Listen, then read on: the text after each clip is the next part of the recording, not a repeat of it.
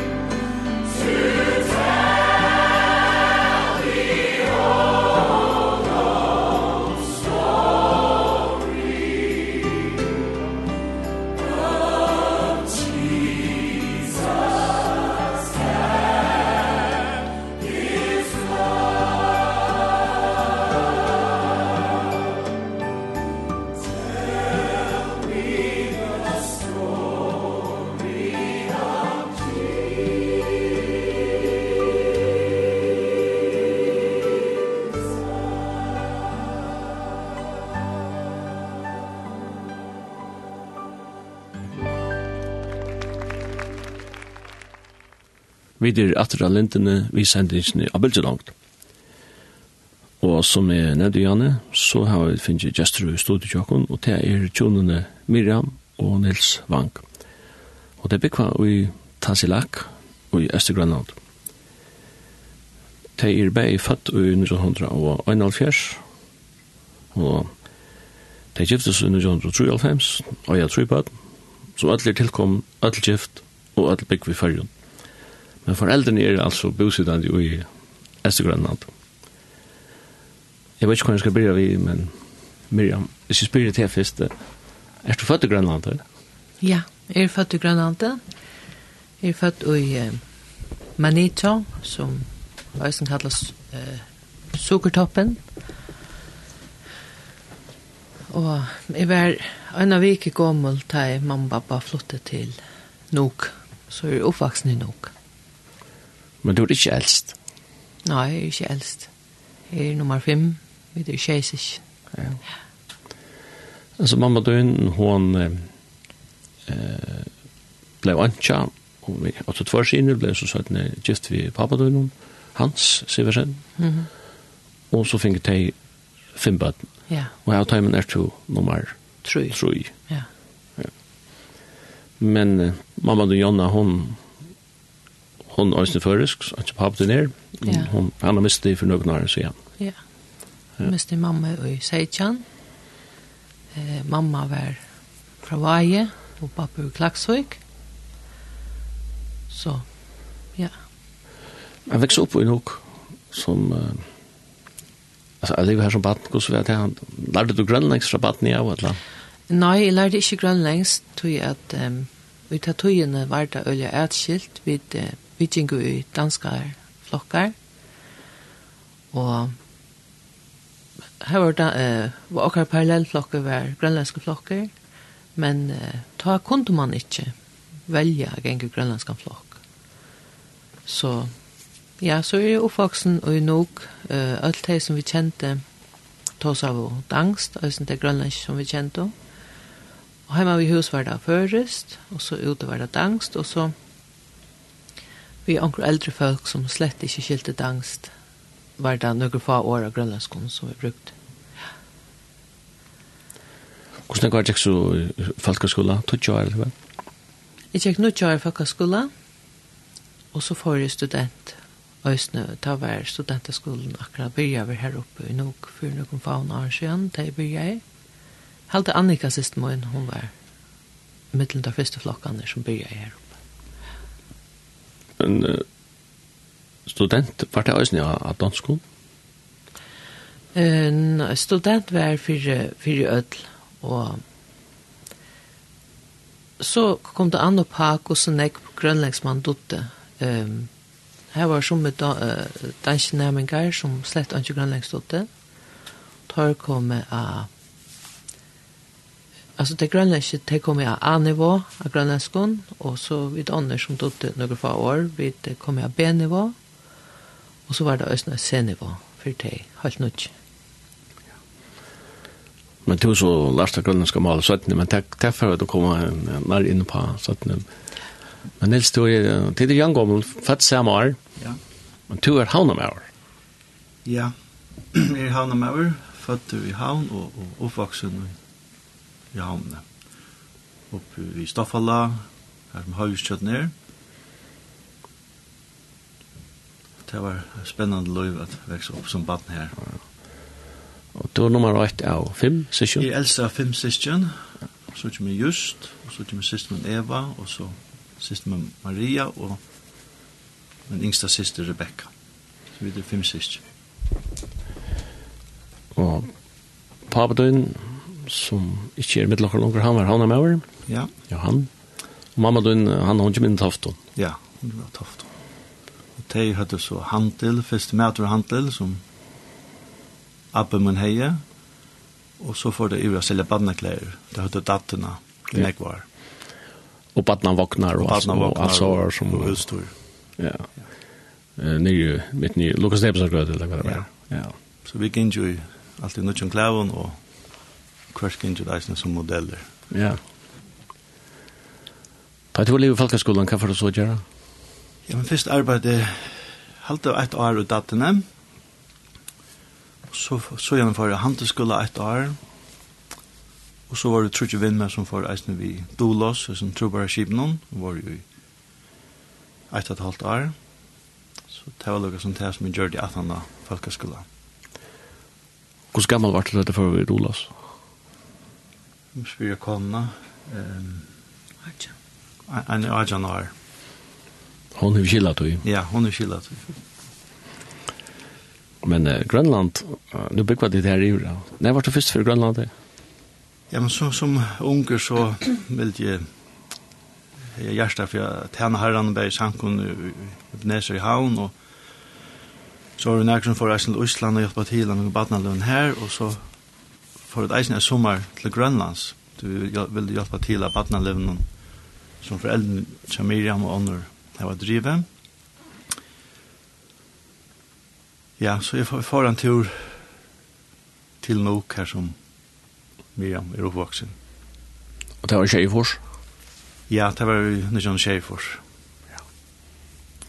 Jeg bor jo nok da, jeg minnes godt at du kom i Jørgen. Ja. Men da hadde du bare 16 år? Ja. Da drømte du ikke om att, att Rönnamar skulle bli et land her du kom så att dvälja og, och länga, länga tog? Nej, Nei, det, det var inte alla planer ta, alltid. Men det var dåligt tid så sån det det är agent det det er satt men du först sånn en bibelskola. Ja, så altså, til å si, da vi får til nok vi har flere unge ranger og her var Miriam er jenter, og som jeg har sett så det Mira, hun, hun, ja, hun ble forelsket meg til å være Grønlandet, men jeg ble ikke mer til henne. Men så, at han var dola, så får jeg bibelskole i England. Og ta var Miriam her etter. Og ta ble jeg så forelsket Miriam, og her møttes vi. Var det, det var ikke planlagt at du skulle møtes etter her i England? Nei, ikke sånn. Det er god som er planlagt da, så Det han ikke menneskelig planlegging. Nei. Men uh, her møtes vi så, og tid bestemmer det til hver annen her. Ja. Hvor lenge var det i England? Miriam var langt byrja bibelskolan. Så bibelskolan skulle være tre semester, ett og et halvt år. Så jeg var ett og et halvt år, og Miriam var så tveit. Hun arbeidde i noen et halvt år inntil jeg ble livet. Og vi gifte så mitt i skolan, altså vi kom heim av Ålund, og foreldrene Jamiran kom i Grønland til Førjar, og så giftes vi en jola, en jola ferie. Og så var det Ibrat som gift jo. Ja.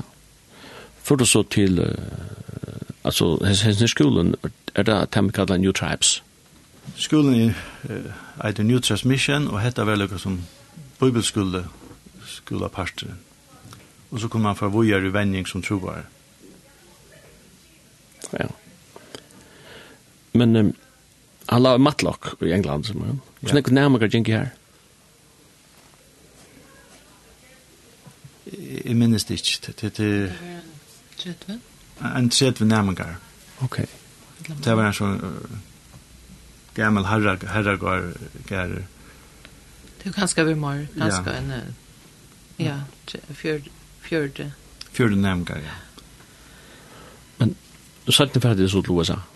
Ja, så, så till bibelskan livet så kan man välja man för att vi gör första träning innanför tobaarbete och, och ta vad man nöttar för till USA. Och det är yngste vit, så vi får lycka till en tur att vi ska föräldrar Miriam och så får vi göra i USA, var här två år de tvei årene, hva bestand at det er, er det malskole med landet? Ja, det første året er en, en vendingerskole, til at ofte New Transmission arbeider med en atabalkar, så du skulle lukka som læra liva ut med atabalkar, og klara det bare, altså bæge syndra av altså medicin og, og lakna hjelp, og hvis du skulle bygge din egen hus, og allt sår som du kom ut för. Ehm Det var det første året, ja, vi får ut i seks viker og en skov og, og bygde hus og levde her. Bare vi tog som vi hadde, lærte jag att gå hemma med att Og så da sett året, så det var, det var maskul, det var vi fra eh, til, til, til maskula i en øren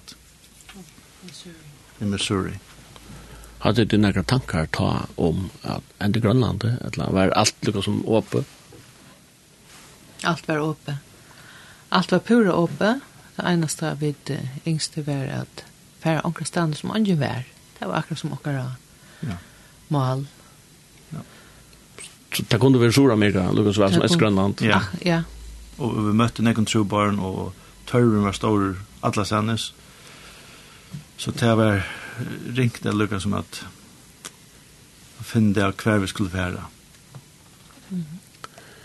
Det er å prøve å søndre kvarjen nå, oppvaksen i, i Havn og i Grønland, nå har du vært i, i England og i Matlock, og så i USA, men til enda øyne i Danmark.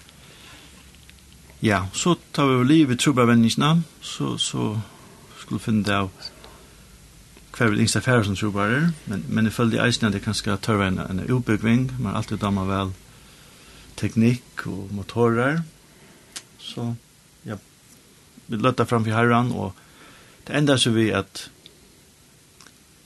at jeg får genga maskinmesterskola. Vi får var i fyrjun, et år da akkurat fyrst sånn føtter, og da gikk jeg tekniske skola i Klaksvik, så søkte jeg inn i maskinmesterskola, men det var ikke plass i Havn, men det var plass i Esbjerg, Så flyttade vi ned til Danmark eller Esbjerg och var här tre år. Vi hjälpte till i samkomna her, og... Da hadde vi en sånn, Det var... Ja. ja. Jag han var født i Färjön og medan vi bor i Esbjerg så ble Lydia født. Så tog jeg skola og men vad gjorde du i Esbjerg?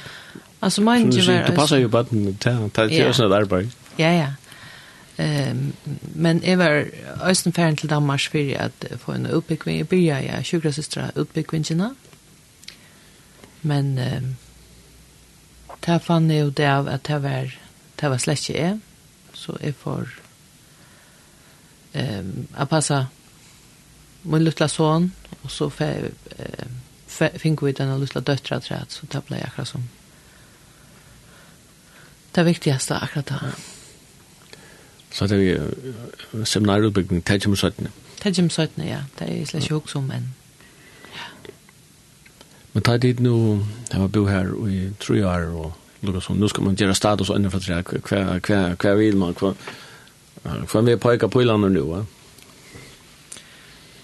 Ja, altså, vi tok seg, altså, foreldrene som er om vår trobar nok, og så er det en æretrobar kom til Grønlands, Så vi husker om Grønland, og vi som skandinaver har ikke trovlegger vi visum, og um, som er, er av tjover hvis de skulle til Grønlands um, skulle heva. Så vi båle god, så hver skulle vi tfæra. Det enda så vi at vi, vi yngste foreldre Grønlands. Mm -hmm. Først var, for vi til Nuk, var det et år, og jeg arbeider skibesmynda. Mm -hmm. Ja, nok. Ja. Og Miriam? Jeg, jeg tjekka kunstskola i nok. Og ja, her finner vi løsene. Kesje, okkara yngsta bad. Så her var vi sammen med mamma og pappa, altså vi... Um, jeg hadde vi bo inne i Tjata da. Ja. Og kom i kontakt med nekvar Det er den yngste datteren hun fatt du nok. Ja. Og Milinga datteren fatt du i Esbjerg. Ja. Og Johan er du i Førja. I Førja. Ja. Det blir jeg sier alt kongarutsk. Alt kongarutsk. ja, det er om på alt kongarutsk. ja. Det er ordentlig flott. Men det heter om løy alderskift til at de flyter i år. Ja. Nå gjør det 2000 år løy. Og så er det 8 år vi nok. Ja. Men Så så att man kommer till en sån en vi är med en kvar vi på nu på landet. Här var det imiska trubbar familjer i Grönlandet och som var norr i Grönlandet och norr i Grönlandet. Så vi blir hittat efter Grönlandet. Här var ungen. Så tävlar Lukas som det som vi är spänta på. Og så i 2001 så får vi til Esgrønlands som tror bare. Men uh, tustar som lærer, hva kommer det inn i at leser vinterne? Ja.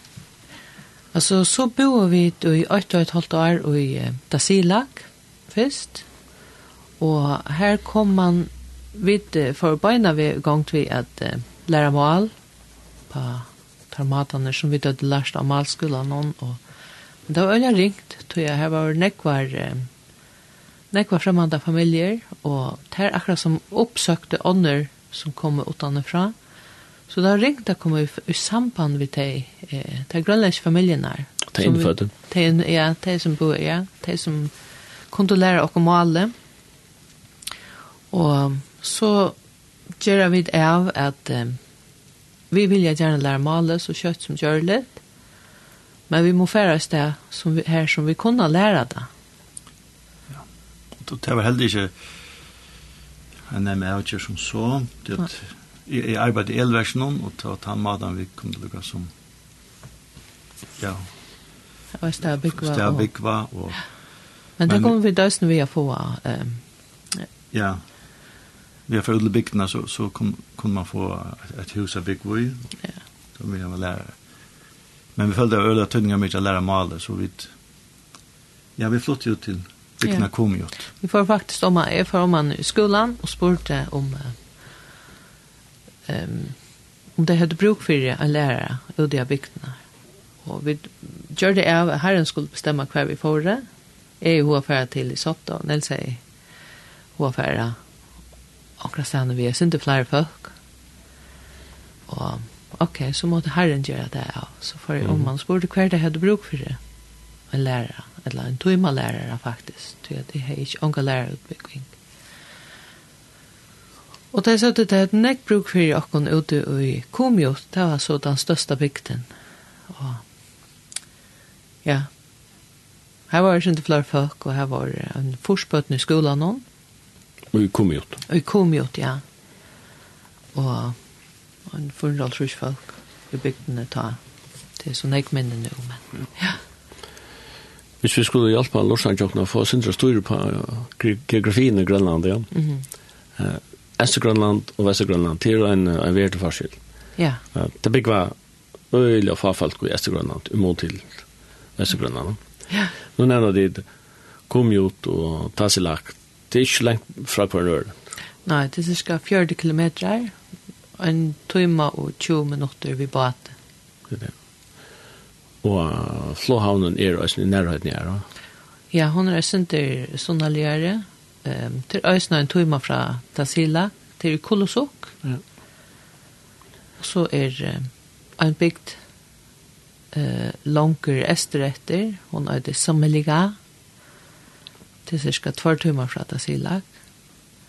Og så er en um, uh, en lødelbygd av um, inne i det større semmelikfjøren, fjøren og fyrre. Det er Dirira, Og så er en bygd sunnarlig, en trutja tøyma vi bade fra Dasilak, det er eh, i Sotto. Okay. Ja. Her var ter bygdene røsne elversk og svar, Nils? Ja, altså hver bygd her er et elversk vid sin motoren og et vattenversk. Ok. Men, men det er så lengt vekk, og det er så kaldt, ja, så der skulle heva alt sitt egna og, og klara seg.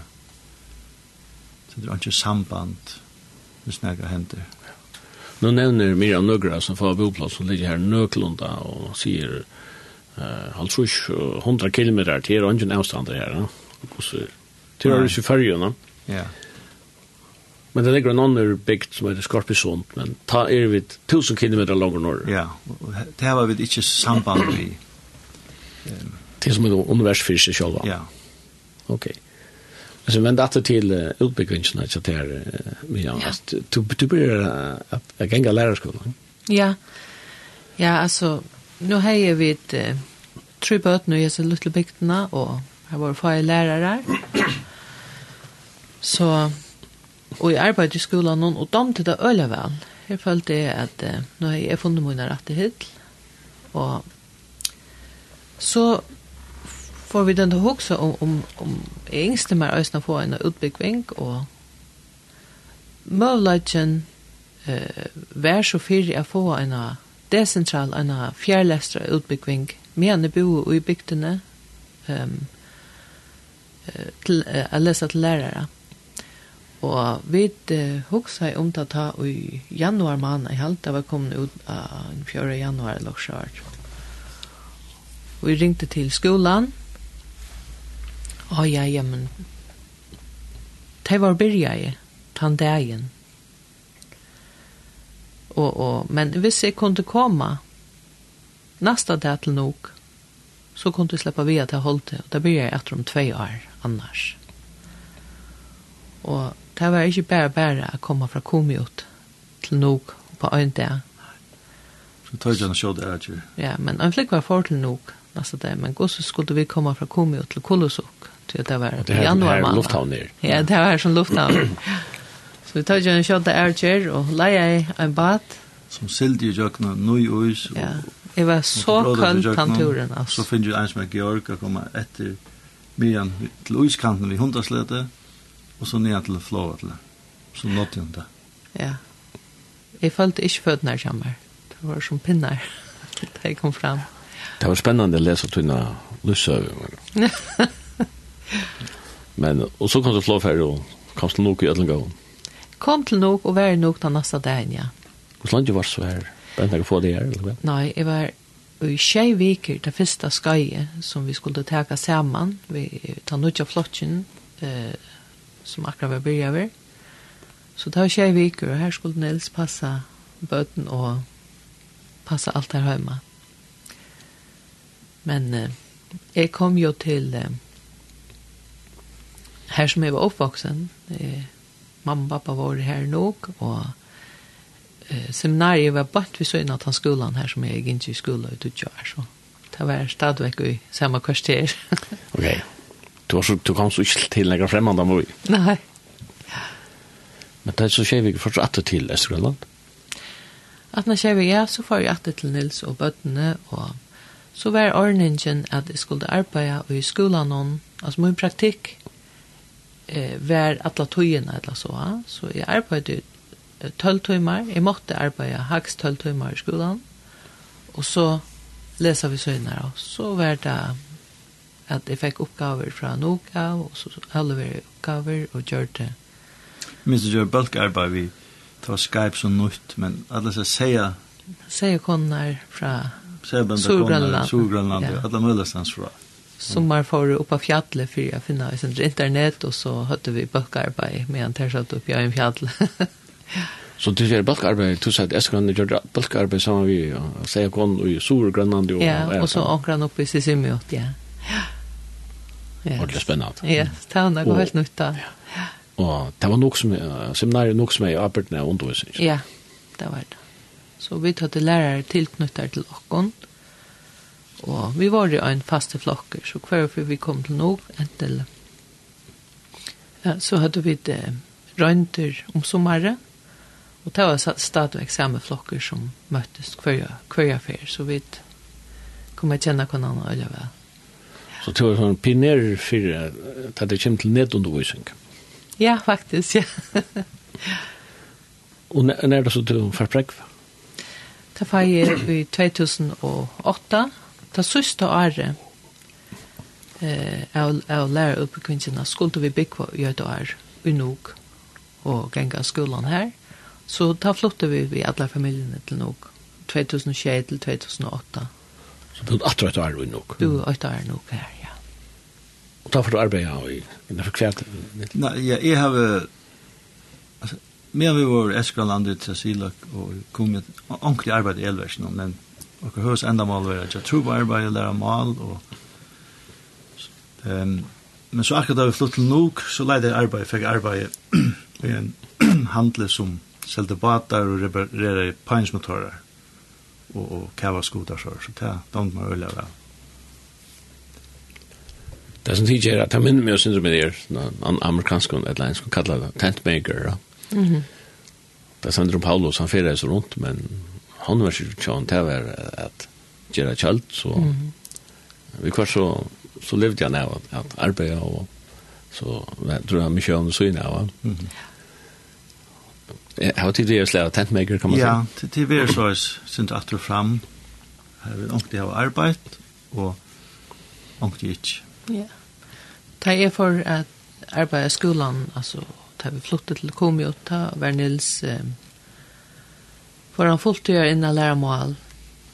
Og har ikke høyt arbeid ved Sunna i fem år. Ja. Og... Eh, nu då det nek vi innan för skolan var värst i grannlandet och sånt. Man ser ofta när att det bästa mat till att lära mig på att komma samman med bötten, ja. Ja, är det är det tunna rönter? Ja, det är östen mina rönter. Det var, alltså bötten är de er så villige til å lære det, og de forteller det til du gjør dere for kjærest. Det gjør det vaksne ikke? Jo, somme, men bøtten er så tålen, og de da må vel si det atter og atter og atter. Vaksne er ikke alltid så tålen. Hvis du har sagt det for kjærest en tvær tror jeg finner som misser det med det, og så... Men eh, somme vaksne var også utrolig at donalig at, at og villige lære oss, men bøttene var helt fantastisk och du slipper å si som som skolelærer, som så släppte och röjna det om att det om att det om att det alltså och tja, altså, hva, hva betyr hva, alltså då ser akkurat, och vi kan man rösa sig upp och för ett resten. Okej så hade den en för fint, så har man lært det. Och hade underviser det her i Eskland så underviser du akkurat Ja, men ja, alltså så långt jag undervisade så undervist i grønlandskunn, ja. Hvordan er det vid, vid danskunn, altså til, til lærer oss en angst fra... Fra, fra første flott, ja. Men um, det er å lære dansk, altså å lære dansk vid, vid, vid bøkron, altså for grønlandsbaden er øyla ringt. Og det er da øyla idla dansk til det kommer opp i, vi er enda til det kommer ur tujenda flott. Nils, hvordan stelt du, du grønlands mot til kålene. Tja der. Jeg tror så er Mial. Miriam, hun tror ser vel grønlangst. Jeg har ikke lagt ved mal, men jeg har lagt meg etter døy, og så jeg tror til jeg visst nivå, kan snakke og prate, men hvis jeg skal undervise bøyblene, så blir det øye altså, til, til sverst, ta for evil dangst, og så har vi omkring som hjelper meg å tolka. Men eh, jeg klarer meg, jeg, jeg elsker stiernøvn og fra veie og alt det til som mine vimmen uh, gjør. Og tatt klarer jeg å prate. Hva er det? Hva det her fenga kovaner og sylene og ja. Og tar man då male, eller minst å lære røyner og doa så vil man glattere akseptere det og som lokalt. Ja, det er helt sikkert. Altså, da du doer sin av malen og interessera det fyrt här som teigera og dama, så, så vil man bara en acceptera det. Man har ofta betraktat som en slags beinagrinden og i mentanen, ja. ja. Men så er det jo noe annet som i parsar mentanen. Det er jo ikke særlig om mæt, hvordan er det var? Ja, altså, her løyja svøringar grønlandar uljanek. Altså, vi eter rastanfisk og turanfisk og spik. Og så sjålan hevda nøyga ting at træt som vi ikke har fyrjum. Koper inte love. Koper, ja. Og, og til, til høvås med att dem. Och tæra. Och, og tæra og, og över och... Rår över. Ja. Hjälper åt, äta till blöjna. Um, ja. Men allt det damer vi väl här, ångar tobläggare. Och älskar vi vi og da veia. Vi hade hundraslet i 20 år. Så vi var nekva hundraslet i sammen vi vid dem som hadde hundaslete i byen, og det var større glede for akkurat bøten, og ja. Hvis vi kommer til nær innan jeg selv tror er ja, etter her at formidla bådskapen om Jesus, som Guds son og hemsens frelsere, hvordan har du praktiserat det? Alltså eh för jag var det öle öle viktigt att lära målet så vi kunde fortelle dem om Jesus att ta egna mål och att jeg skiljer hva de tar av och, och, och, och kunna svära dem. Um, men på et tidspunkt så vill man gärna börja att eh, eh här var bibeltumma eller har badnasøver og så vi börjar vi barnasöver her ute i Komiot, tog at um, åter er uh, ikke, ikke så kritisk, vi følte at det var godt å vennja seg, å fortelle for bøttene. Så vi begynte av hjemme til åkken sjå, vi tatt en lydel hus, ja, i forhold til først eh, hus, så var det en, en øla lydel hus. Her kom en fjørde bøtten inn i stående til åkken, og Det brøtte brötte vi nok så kjøtt, och at vi alla spela vidt om attarna och så. Det var slett inte möjligt för det att det var ikke plass. Så vi um, brøtte det till att uh, de luttelbøttene kommer först och så en tøyma, två tøyma skjøttene, så kommer de större bøttene. Och det gick ju väl en tøy, men uh, det var det akkurat som att uh, nu uppdager folk virkelig hva vi var kommet til. Vi tøtte rundt og fortalt at vi var kommet for at um, fortelle om Jesus. Og... Men nu skulle det lykke å ta stilling til hva, hva var det for nekka. Og, og...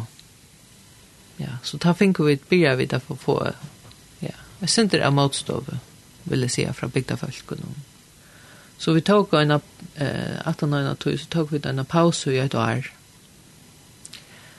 Og så började vi atter, og det var atter för, men det var öll velkommen, og det började vi oppe i bygdahuset nu, det var uppe för öll, och hon stod öppen. Og, og det var det, det var det öll åpen för det. Så. Ja, så det är sådana boklämmar vi en stykken som har hos Ahua. Ja, vaksen ja. har tjokken. Ja. Og så får vi, ja, det var satt ned etter, ja. Ja, men så, så att när vi var börja i, jeg har badnamøter och, och här uppe i, i bygdehus så så vi en, en törv för unge folk, det så det ofte i frutiga klubban och det var inte en ordentlig som tok seg av dem, det var bare et värsted. Och att han har ett badnamöte här uppe i um, bygde hos noen, så kom en unger vi akon hjem. Og vi spurte han, altså, om han hei kunne hoksa seg å komme om han til åkken, altså først, um, hva var det, høstkveld? at han har badna møte, og bjør omkring vinon vi, så kunne vi ta andak for det unge her nere. Og det var, altså det var beina vi, da neste fyr så var vi denne 15 unge inne i okkar luttelstove, og Vi gjorde en høytan gruterat, og så hadde vi den andakt, og så spalte vi spølatene av det unge. Det var så mittelen, hva var det, mittelen 14 og 18 år, eller så. Det kan være veldig trobult å vurdere uh, når, man, når man ser avveks, skal jeg si, til en tydelig så, og en tydelig hest og sånne. Men hvordan vurderer tid til arbeid? det er jo bare god og syste enda som, ja, som, som, som ser det som vi ikke sitter og, og skal bedømme det. Altså, jeg vil si at vi da så nägg, nägg var og, og da vi bo kom jo i 20 år så valde vi da flytta till förjar vi har teenage bøtnon, Vi visste ikke om vi skulle være ett år eller tve år, men vi enda vi var fem år i ferien, og bo her ute i Norrstadene. Um, Og så valgte vi det for ivrater. Man lärde bøttene som flyttade for foreldrene, men det var det foreldrene som flyttade från bøttene. Så vi flyttet ivrat til, til Tassilak og fra bøtt var mm. efter förra. Nu var det så vaksen, og inte i skola. Og, Och, och jag vill säga nå nu vi det så ikke avvoksen av tusen där så i nekvar. Så det bygger i havn fra 2011 til 2016. Ja. Da bygger det ut ja, i norra statene. Ja. ja, Marsna Gilfest, og så nere Eiriksgøte, men så kjøper vi denne hus og norra staten. Ja. ja. Og til fem årene så er det liksom, jeg tror bare nye teenager og alt det der.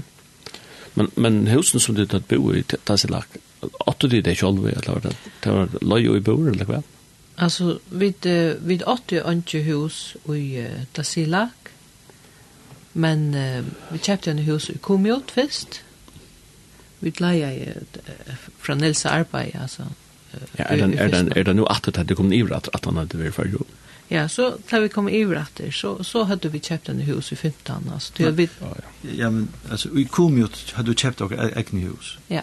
En en litet hus. Så, men medan vi så tar vi flida till förjar, vi är för i fem år, så färjar i ivra till kvar sommar. Och så bygger vi det husen kom ut. Men ta färd att eisen runt till alla byggnader och okra, lilla bad i halta möter, i kvar byggt, och, och deila inbjövangar ut. Så vi just en sån liten Vi görs en sån luttland bibliokalendare, Estergrönlandskon. Och det här gör vi fyra sommaruträck för alla byggnader, medan vi bygger färjar. Mm. Og så er det 2016 vi vilja at flyde i vratt til det silag. Ja, og ta hadde vi i 15, då vi la et etter hus, alle tøyene og ut av silag. Og ta hadde vi i 2015, og vi flytta iver, kjøpt en hus om sommaren. Og de flytta vi så inn i, i 16, da vi flytta iver. Ta det så for ivrat i 16. Mm. Uh, kom, kom nega bøttene vi, ta? Nei, altså, bøttene til det yngste bøttene var livet i nødgjende flokk, og det var Kesia, og hun flyttet til Edla Fordel Kanada, high school, og henne var og student, eller og nei, Johan var livet student, han var i timpelære, og Lydia, hun var studenten. Ja. Så. Jeg kommer i at det her som tjonte da bo her fyrir nu, at han nok rar fyrir nu er det atre, men nu er, er, er bøttene fløyen og sånne. Ja. Det må også være et offer i seg selv. Det var reilig stilt. Bøttene har hjulpet okkon øylanek, vi tror på arbeid, det er jo alltid hjulpet til, vi er bare vi bøttene arbeid, vi utriv og... Og tolka det du har malet flådande. Og tolka det jeg har hjulpet øylanek, så det vi får ivratter. Um, det var øyla stilt, minnes det, og, og vi sakna det er så forferdelig nekv ta Skype mer utvecklat det där en en en en David Arnold Jack och lära. Ja, helt det vis alltså vid ehm det var hette her versambandet. Det var telefonsamband, det var ikke så godt i Grønland enn, men ver telefonen, hon var oundvärlig till att um, det kostar jag inte att ringa hem. Så vi behöll det första nummer där vi var iver, alltså för okay. att ha det så näft som möjligt att att kontakta bötterna på ja, mm. i internet och ja. telefon. Men tar vi för idrotten nu så så arbetar mer med skolan och i arbetar i elversen. Ja. Jag arbetar tror jag ett år i skolan och Men Miriam tog ju eh fidget så fidget till lärarpräck för att grönländska lärarpräck. Ja. Och så höll du fram och arbetade som lärare. Ja. ja det gjør, jeg, altså, jeg arbeid eh, i tre år, arbeid som lærere, men um, så trångte jeg til en pause, jeg ble sjuk, jeg fikk eh, krabba, og skulle, skulle gjøre en kemo og sånne forskjellige ting, og Og så gavs det ta i nøytjan. Vi hadde øyne akkurat ta kjøpt en samkommet bygning Ja, alltså hvis vi börjar från ehm alltså vi hade där vi kom över 16, då hade vi möte hemma till Okkon i te husen inne i stan. Det var för vuxen folk och så hade vi barnarbete uppe i eh byggde husen ut av Silak nu ut i större byn då. Och vid yngste att köpa en en samkomhus så allt ikke skulle flyta så nek, og hver det var mer plås til, til bæra til. Og det kjøpte vi så i Nujjan. Mm. Fikk vi mulighet for å kjøpe en gåhus. Og det hadde vi akkurat kjøpt, det jeg fikk, det jeg så gavs til skolan hon, og jeg får all in for det, og um, bøtt kom, i bjør i bøtten og nian, og her var bare eh, badnamøte, og og sin leksjehjelp og brukte nekva tog i samarbeidsbøttene og de unge tryggvande som var kom til trygg nere i tjokken og i bibeltummene inn tjokken. Så jeg fikk eh, gåa tog til det ta.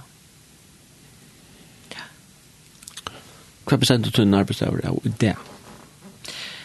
Ja, ja så må jeg lykke fortsette herfra til at um, da jeg har haft fru i et år så byrja i energi av när så fick jag arbeta av en nærmige høyme. Ok. Um, det var alla bötterna som vi kände ut från bygdene. De kom in till til och skulle gjenge i åttonda, og 9. og 10. fram och ställt. Och de skulle så byggva ett sted. Och, och här var inte här hände forskjellige ting, och det är ett bruk för åkran att komma om man här. Mm og spurte om jeg ville færre om han her på at, at um, jeg arbeider. Så jeg ble leie her i 20, og og var her i 2 år. Men uh, vi hadde jo finnes bøttene til at um, koma, altså vi rønte jeg passet etter bøttene nere nærmere og hømne, men og nu var så fri komna av bøttene, nei, jeg heter her nærmere og hømne, men skolan har vi ofrier i nekvar faktiskt. Alltså det har vi någorlunda och då men bara från 16 och till eh, ta nu alltså här har vi åtta skolastjörare. Så inte i august ta blev den sista skolastjöraren han blev korter och så sökte det till nutjans skolastjöra och vi började så efter kvar för att mottagande enda posten, og jeg var som som søkte, men det fikk jo ikke starve.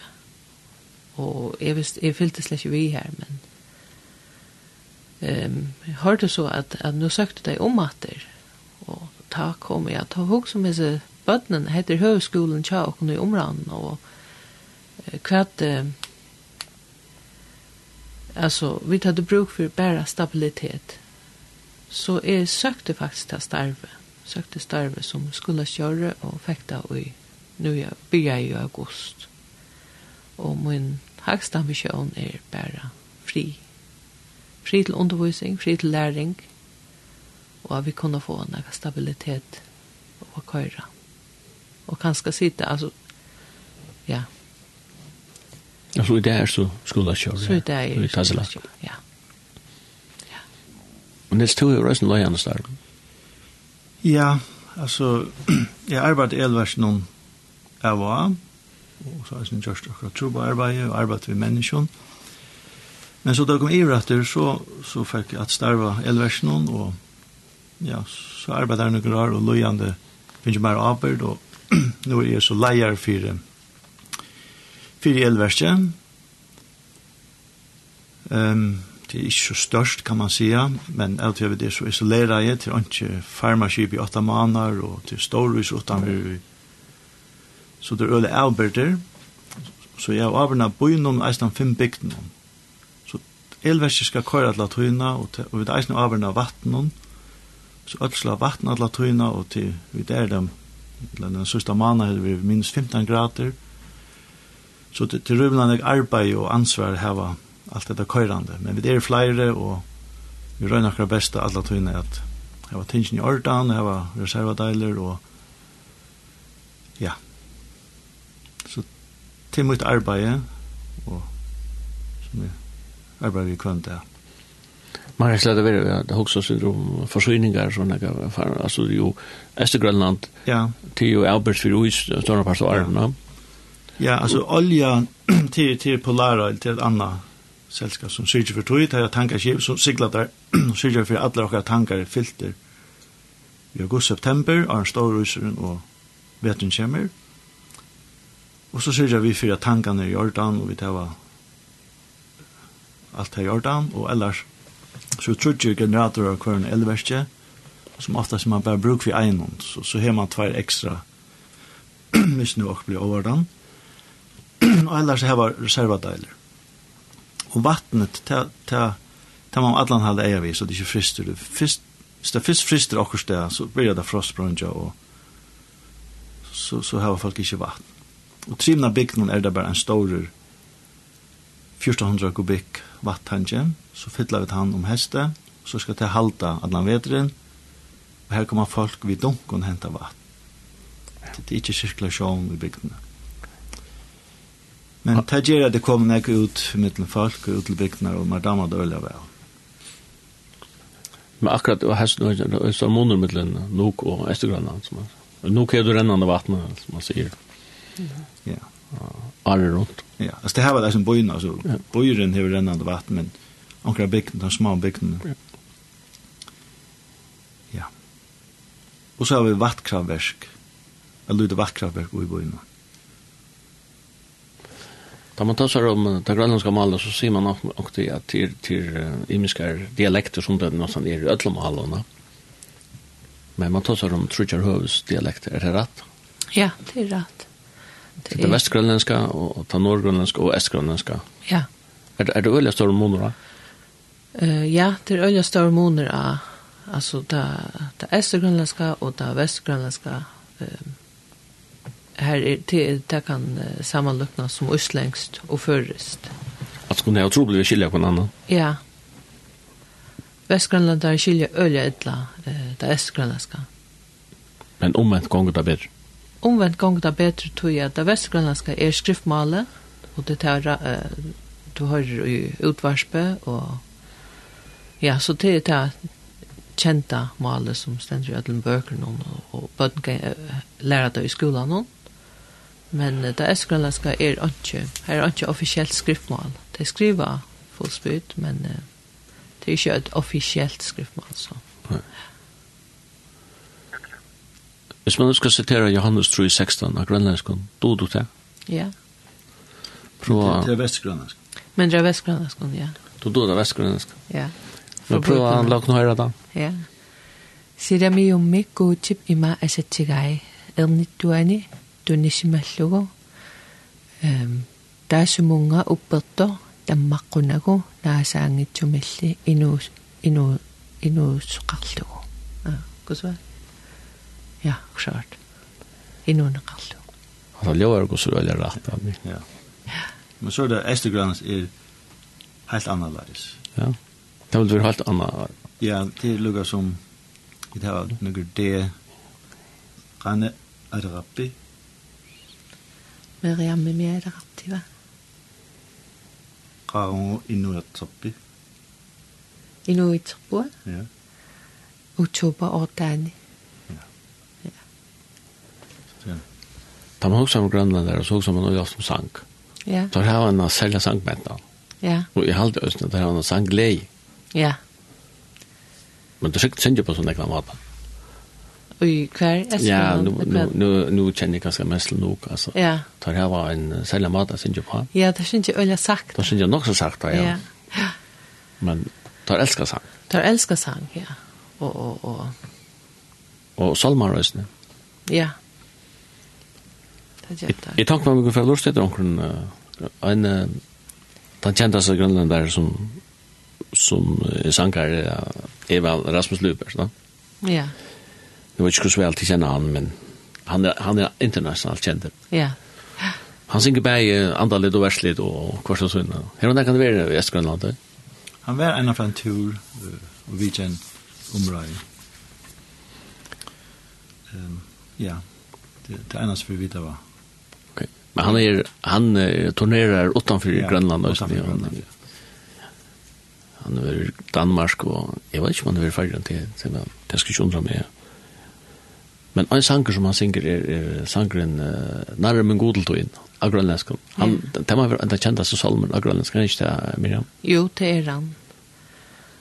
Um, vi tar var vi vet ikke alltid om vi kunne uh, synge han til okkar møter, tror jeg at uh, Det er også øyne sanger som de bruker til uh, gjæreferie. Og vi skal ansa sindre etter til at uh, de unge særlig at de velger ofte enda sangen. Og så, um, her kommer så rann jeg og følelser fram til dem, til det sinnsjende sannsjen. Så om du tar videre klar til deg, ja, så sier vi hun går sinnsjende sannsjen, og så sitter de og gråter, og har kanskje bruk for å ta seg og så, så tar ikke de en og en og en og, og ta seg vidt deg. Men uh, det er ikke en sanker man kan bruke fleng, og så er det at han er øyelig følsommer. Jeg det han at det han var sjunket så nekt til gjerne for så assosierer at folk ofte i sanger vi deg og sorg. Ja, ja. Så, så sakna det omkran eller minnes gjerne for henne ikke omkran eller omkran akkurat deg för familiene eller ja. Men han sanger vi også sunget til gjerne for ferdig, men han var også sunget i vanlige godsen hans når møter sånn jeg kan. Men hadde hadde hadde lyst ganske lyst under amenten mentorna munnen. Mm. Ja.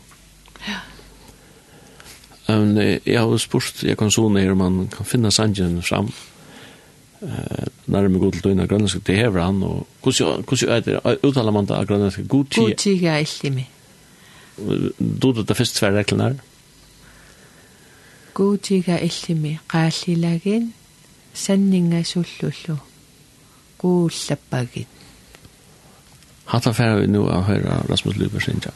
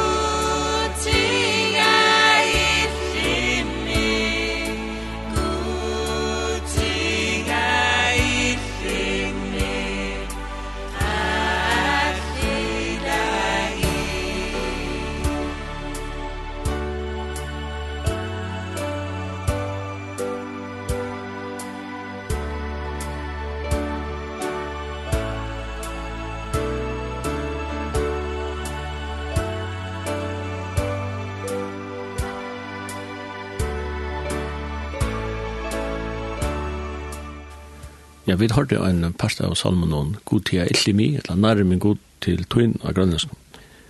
Vi søtte at det skulle være Rasmus Lubers, men dette var nok ikke han han lukket. Nei, det var en, en kvinnerød. Du, du nevnte det her at det kan forbinde seg ikke nek vi kjensler. Som er mentene har nok lagt her ved at undertrykket det, eller trusse kjensler nere, og er det så at grønlander har lagt av i vise kjensler enn en, en til lømsføringer. Uh, ja, ja, helt sikkert, altså. De har lagt til grad og lagt til later og um, særlig at han søren sanger kommer fram, så har de um, de føler akkurat som at her kan man gråta, men uh, Her er tog hver det ikke vilja græta, altså, ofte oftane, altså, man må ikke græta framme for bøtnen, eller, eller også, kunne jeg si. Men tar man lever en sånn mentan, så, så man er sånn at jeg stinker fingeren i hjørnet og respekterer henne mentan, og, ja, ja, og prøver at, at, at lorsta, og ja. ha antennen der ute, ja, hvordan, mm. ja. Hvis man skal være tro på hver et eller annet, uh, första trädet man har gått till människor som man ska nå. Ja, det är helt säkert och jag vill säga det att det är mina bästa viner där du nu bor så länge och Ja, man kjenner nekve fela, altså, bæta man fyrir ut av veia, eller, eller at okkur hender baden skal på land, og så, så, så hjelpa seg det, og, eh, ja. Er du ofte på jakt sammen med grønlendaren? Ja, det er ofte ut av veia, eller et eller Fyrir var det hundaslitt turar, men nu er det, nu har er jo jokkene kaosgudar, så fyrir vi køyra et eller sted her som man pleier fiska, og så er vi öll her. Om somrande så er det nek, nek, da sikla vi jolle, og så, så fyrir man og fiskar, men så samlas man ofta og sted vi fjørna, og så fyrir å få oss en drekka mån, koka fisk, så här vi jag säger det är lottne det tror att det är en massa lik till år för lottne det är nog bestämst står här om gojter så får man glupar så lottna och så på strandna kokarna och og så får man eisen henta ber saman til en stor parster henta ber om heste. Så man gjør nek saman gjør til tingene som te dama og som vi dama trulig vel. Er det rønnskjøret til Karolajon? Nei, med Anger Ranger Anga Moskus Oxar, det som vi kan reba til, til uisbjødner. Og det er så gjør vi flere av hvert år. Er det fria, ja? Nei, til, til hvert år kunne det veie 20 uisbjødner. Ja, men du måste vara Ja, du må veie med og, og, og ha lov til det. Det er så et eller annet lisens så skal ha. Ja, men det er Jeg vet ikke om det er storrøysene kanskje har flott seg sind, men nu der har det vært inne i byen om flere fyr. Så det lukta mat. Ja. Har man så alarmer eller um, sirener som fer gang til avhører avvære eller noe sånt? Nei, men folk er ulla skjøt at at oppdida og... Mm -hmm.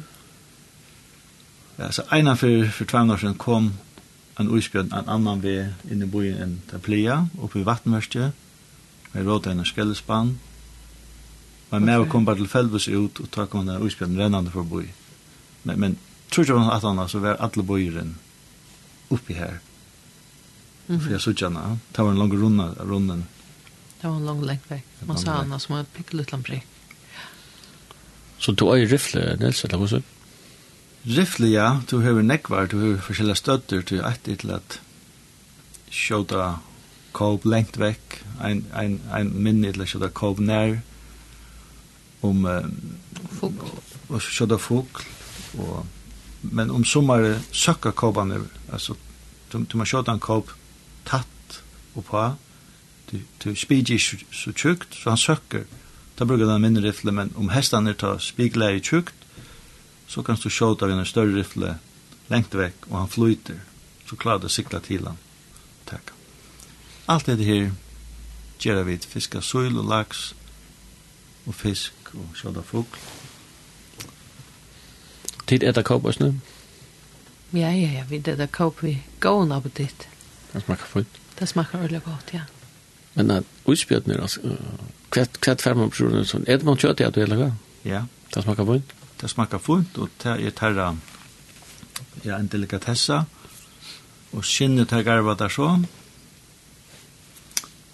Ja. Mm onkne en røstninger, det er en nekker røstninger, ikke nekver så det er sjåda der, og så kommer nakvelder til det beste av det beste, kvølgen av nakvelder, eller nakvelder. Mm -hmm.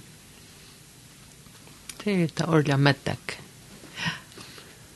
Jeg har talt at det er som folkesjøkken som europeere her, at det finnes ikke av en part av grønlandere vi hjärta och kärsjukor och sådana. Är det att du får vitaminer uh, från naturen har hånd som är nästan sundare än den här kjeliga fiten som vi lite fylla och vi i Europa? Ja. Ja. Det är helt säkert att allt det här äta fisk och allt det beinlas från naturen är öliga sunt. Men vanten jag lugga lite det att och sen är att så vid är man kallar det en lukkavensby, alltså vi vid är avbörd åtta månader till ungen frukt onka fruska vörur, men sjönlig chips og alt sånt. Det heldur seg, og tog er vant i det at folk blir etter for nek av sånn awesome. Ja, diabetes er vi har blivit et størst problem i Granada. Ja. Men hadde de bare etter det som var naturen, så at det var, da de gjør det så var det olja som Fyrir tiden sier man at kjerbjørn kunne være problem, uh, mangler på C-vitaminer. Ja. Men du ser nek ber. Kan, ja. kan man torska ber alltså och ha det vetren och Jag vet inte hur det är men men nu nu vi vi där flyer fiske boxer och ja. kush and hold är till bara svarta bär och blå bär. Så och till ölja sånt.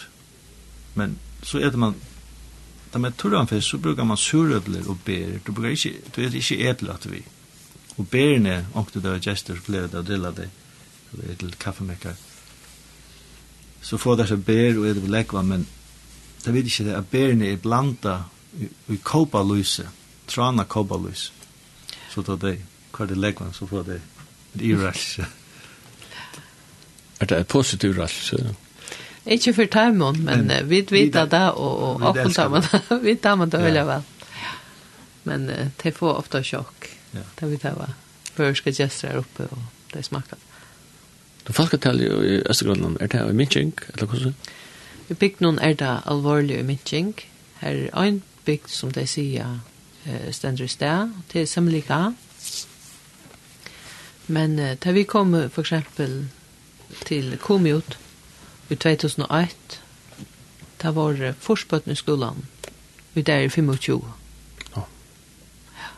Så det er øye, øye. Folk flytta til bojen flytta til bojen, etla vujere til nok. Ja. Det er samme gang som det er sånn, det er sånn i, i heimen, at, at folk er mer.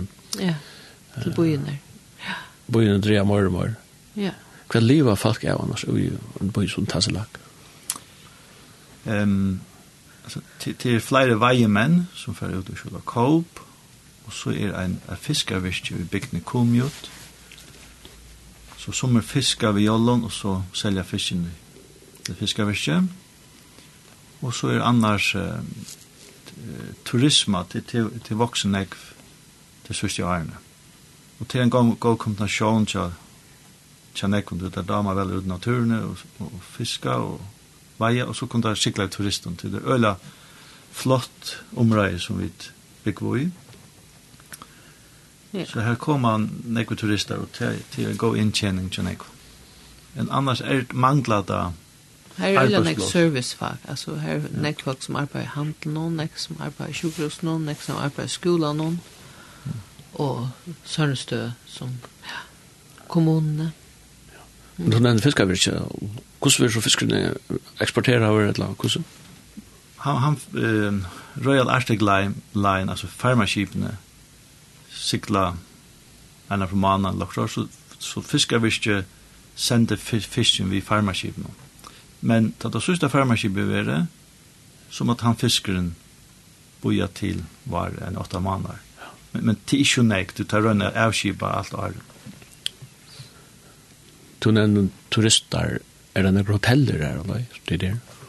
Er eit hotell, og så eit hotell i Kolosuka som flåvetlen er, Men annars er det nek som heva hus og, og gjør det stand og, og bruka det til hva folk kan bygge i. Og æsne bjør turisten? Ja, til å bjør turisten, ja. Kan komme derfra USA? Alla er verene. Ja, USA. USA og, og fra Asien. Tyskere og, og, og ja, Europa. Taiwan og man ser ofta japaner och kineser ja. från Torbjörn så ofta för ja. nu. Och det är ödsla av turisten, alltså sommer vill jag bara vara i innan, men så är det är det vi bor kom ju, det var en som hever turister att göra. Så faktiskt, vi får vi hundasled, alla vill kolusok, hämtar sig turisterna så fort här langt ski, nere som kan gläsjera, vi tar bagagerna och sätter bagagerna ett bestämt sted, och så var det väck i en av vikla tvär upp i fjällen, och så hämtar vi det att Så er det er som kommer bare for å fiske, andre bare for å sitte uiskjøtt, så det er i med slø. Som er for å dukke. Som er for å dykke. Så. Som er for å sikle kajak. Ja. Ja. Og ja, det kajak. Vi er ikke kajak. Um, det er ikke så øyne brukt. Det er nægre veimenn som bruker det, da det er ferdig ut med uiskjøttene og harponere nærkveldene. Ellers er det joller, Vi står en peinsmotorum som er nekbrukt. En bater i fyrrjun er Joel, og tro på en bater. Ja. Han er silt for selja sander, og i fyrrjun han er vi i Hetland og Ørknøysen og Hebriden om det sur økken som alltid føringar kallar den. Han pleier å være kvart år i Grønland. Er han vært i Estgrønland? Ja, han er vært altså, kvart år der er vært i Grønland, det var lukka ta korona vær ta, ta var det ikkje. Så jeg hadde eisen vi etter Grønland og til lukka som det sørste steget, ta det var på Vestsøyne, så kom han til etter Grønland og det var eisen i år, og så fær vi ut til Køya bygd, og halda møter bygdhusen, og, og bjåva folk som bor. Så til vi øyla glede for det, og til, til større oppmuntring for okkon, og til som er tryggvande, og vi er glede for å kunne bo evangeliet. Så du pleier å være vidt at du kommer til Skåne? Ja, vi vet det vi hver fyr. Um, ja. Og, og vi rønner for TV som er tassilak som er tryggvande i Eisna, for TV. Og bare noe vel mot i Grønland, jo vel? Ja. Det spyr jeg etter når han kommer, langt ned til neste sommer. Ja, det gleder seg utrolig nek, og folk som vi annars ikke kjenner særlig vel ute fra bygden Da vi kommer nå, så okker, unge dronker og sånt. Ja, men jeg bor i kvørst der til at jo vel kommer. Ja, så det er jeg veldig glad for. Og så er det så bygd av faktisk en bøyen og bor av baten, ikke Ja, um, vi talte ofte om møte oppe i, altså vi fører rundt vi traktater eller innfjøringer til ødelhusene, da vi kommer til en bygd. Og så har vi møte i skolen eller i bygdehusene, Og så vera ødel bjóa um bor at han har til kake og kaffe og te. Ja. Onkt du ligger i skibet ved kai, men det er ikke alt det blir til. Det er sånne store måneder og flå og fjøre, og kastar man atjer og lysender ut fra. Så er alt silt ut i en sånn gumbate. At det er fram nekva for... Gibson. Ja. Så har vi den andakten ombord og synsja og få en rekkene. Jeg tror denne måneden mellom Flå og Fjøre uh, og i Grønland er til tiltid, ja.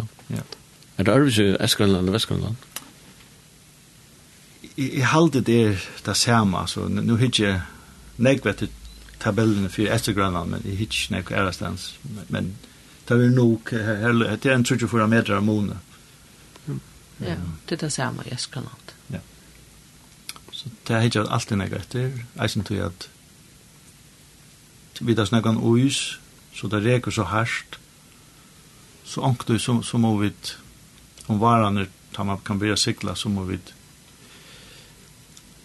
altså hvis det, hvis det flere kilometer breit uisbelte, vi står en uisfjallen, vi skulle ut av sikla omkjennes, til denne bygg, så akkurat etter flow, så, så blir det en 34 meter rum fra strontene ut til, så klart å snudja det fram i fjørene, men, men så blir det rega etter og rega harsk, men ikke blir fengt over det, så, så er det galt.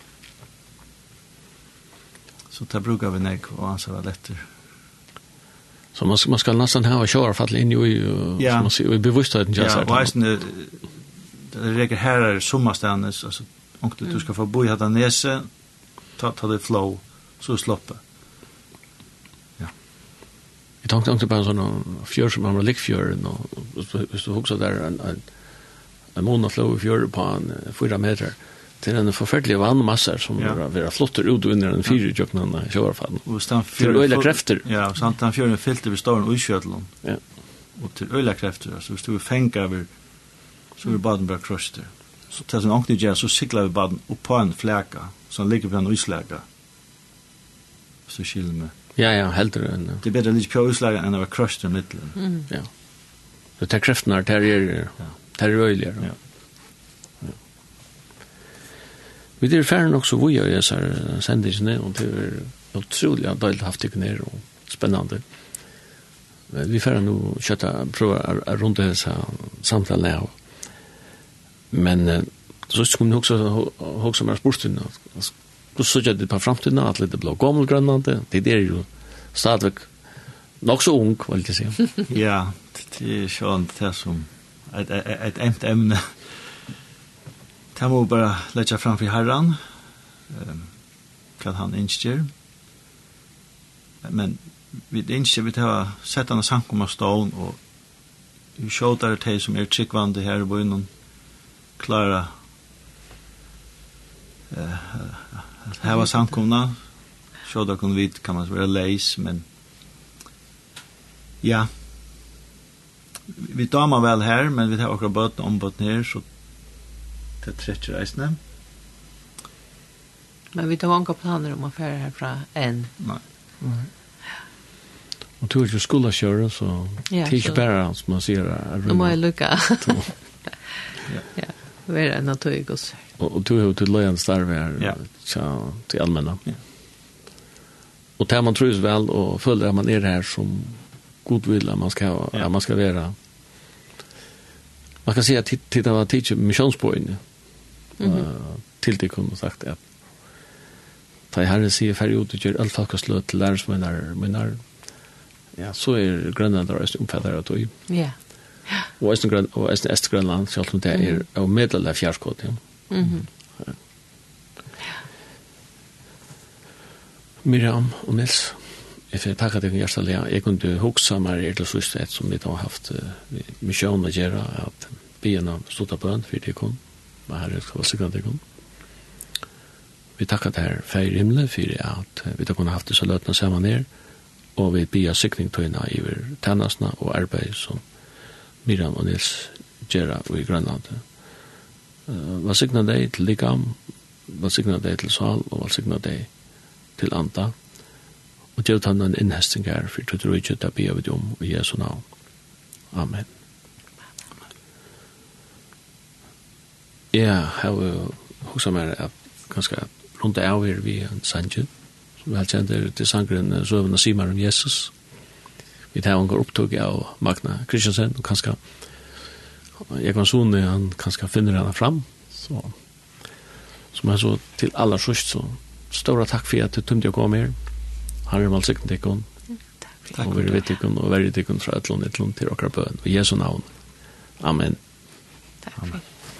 Og så fyrir du høyra Magna Kristiansen, sin jan søvn og simar om Jesus.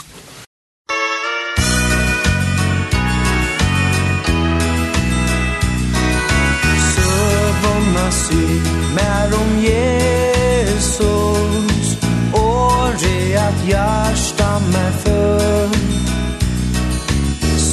mer ta söv och så dyra Och skapen bästa adjör Sorgen som heran har då Sorgen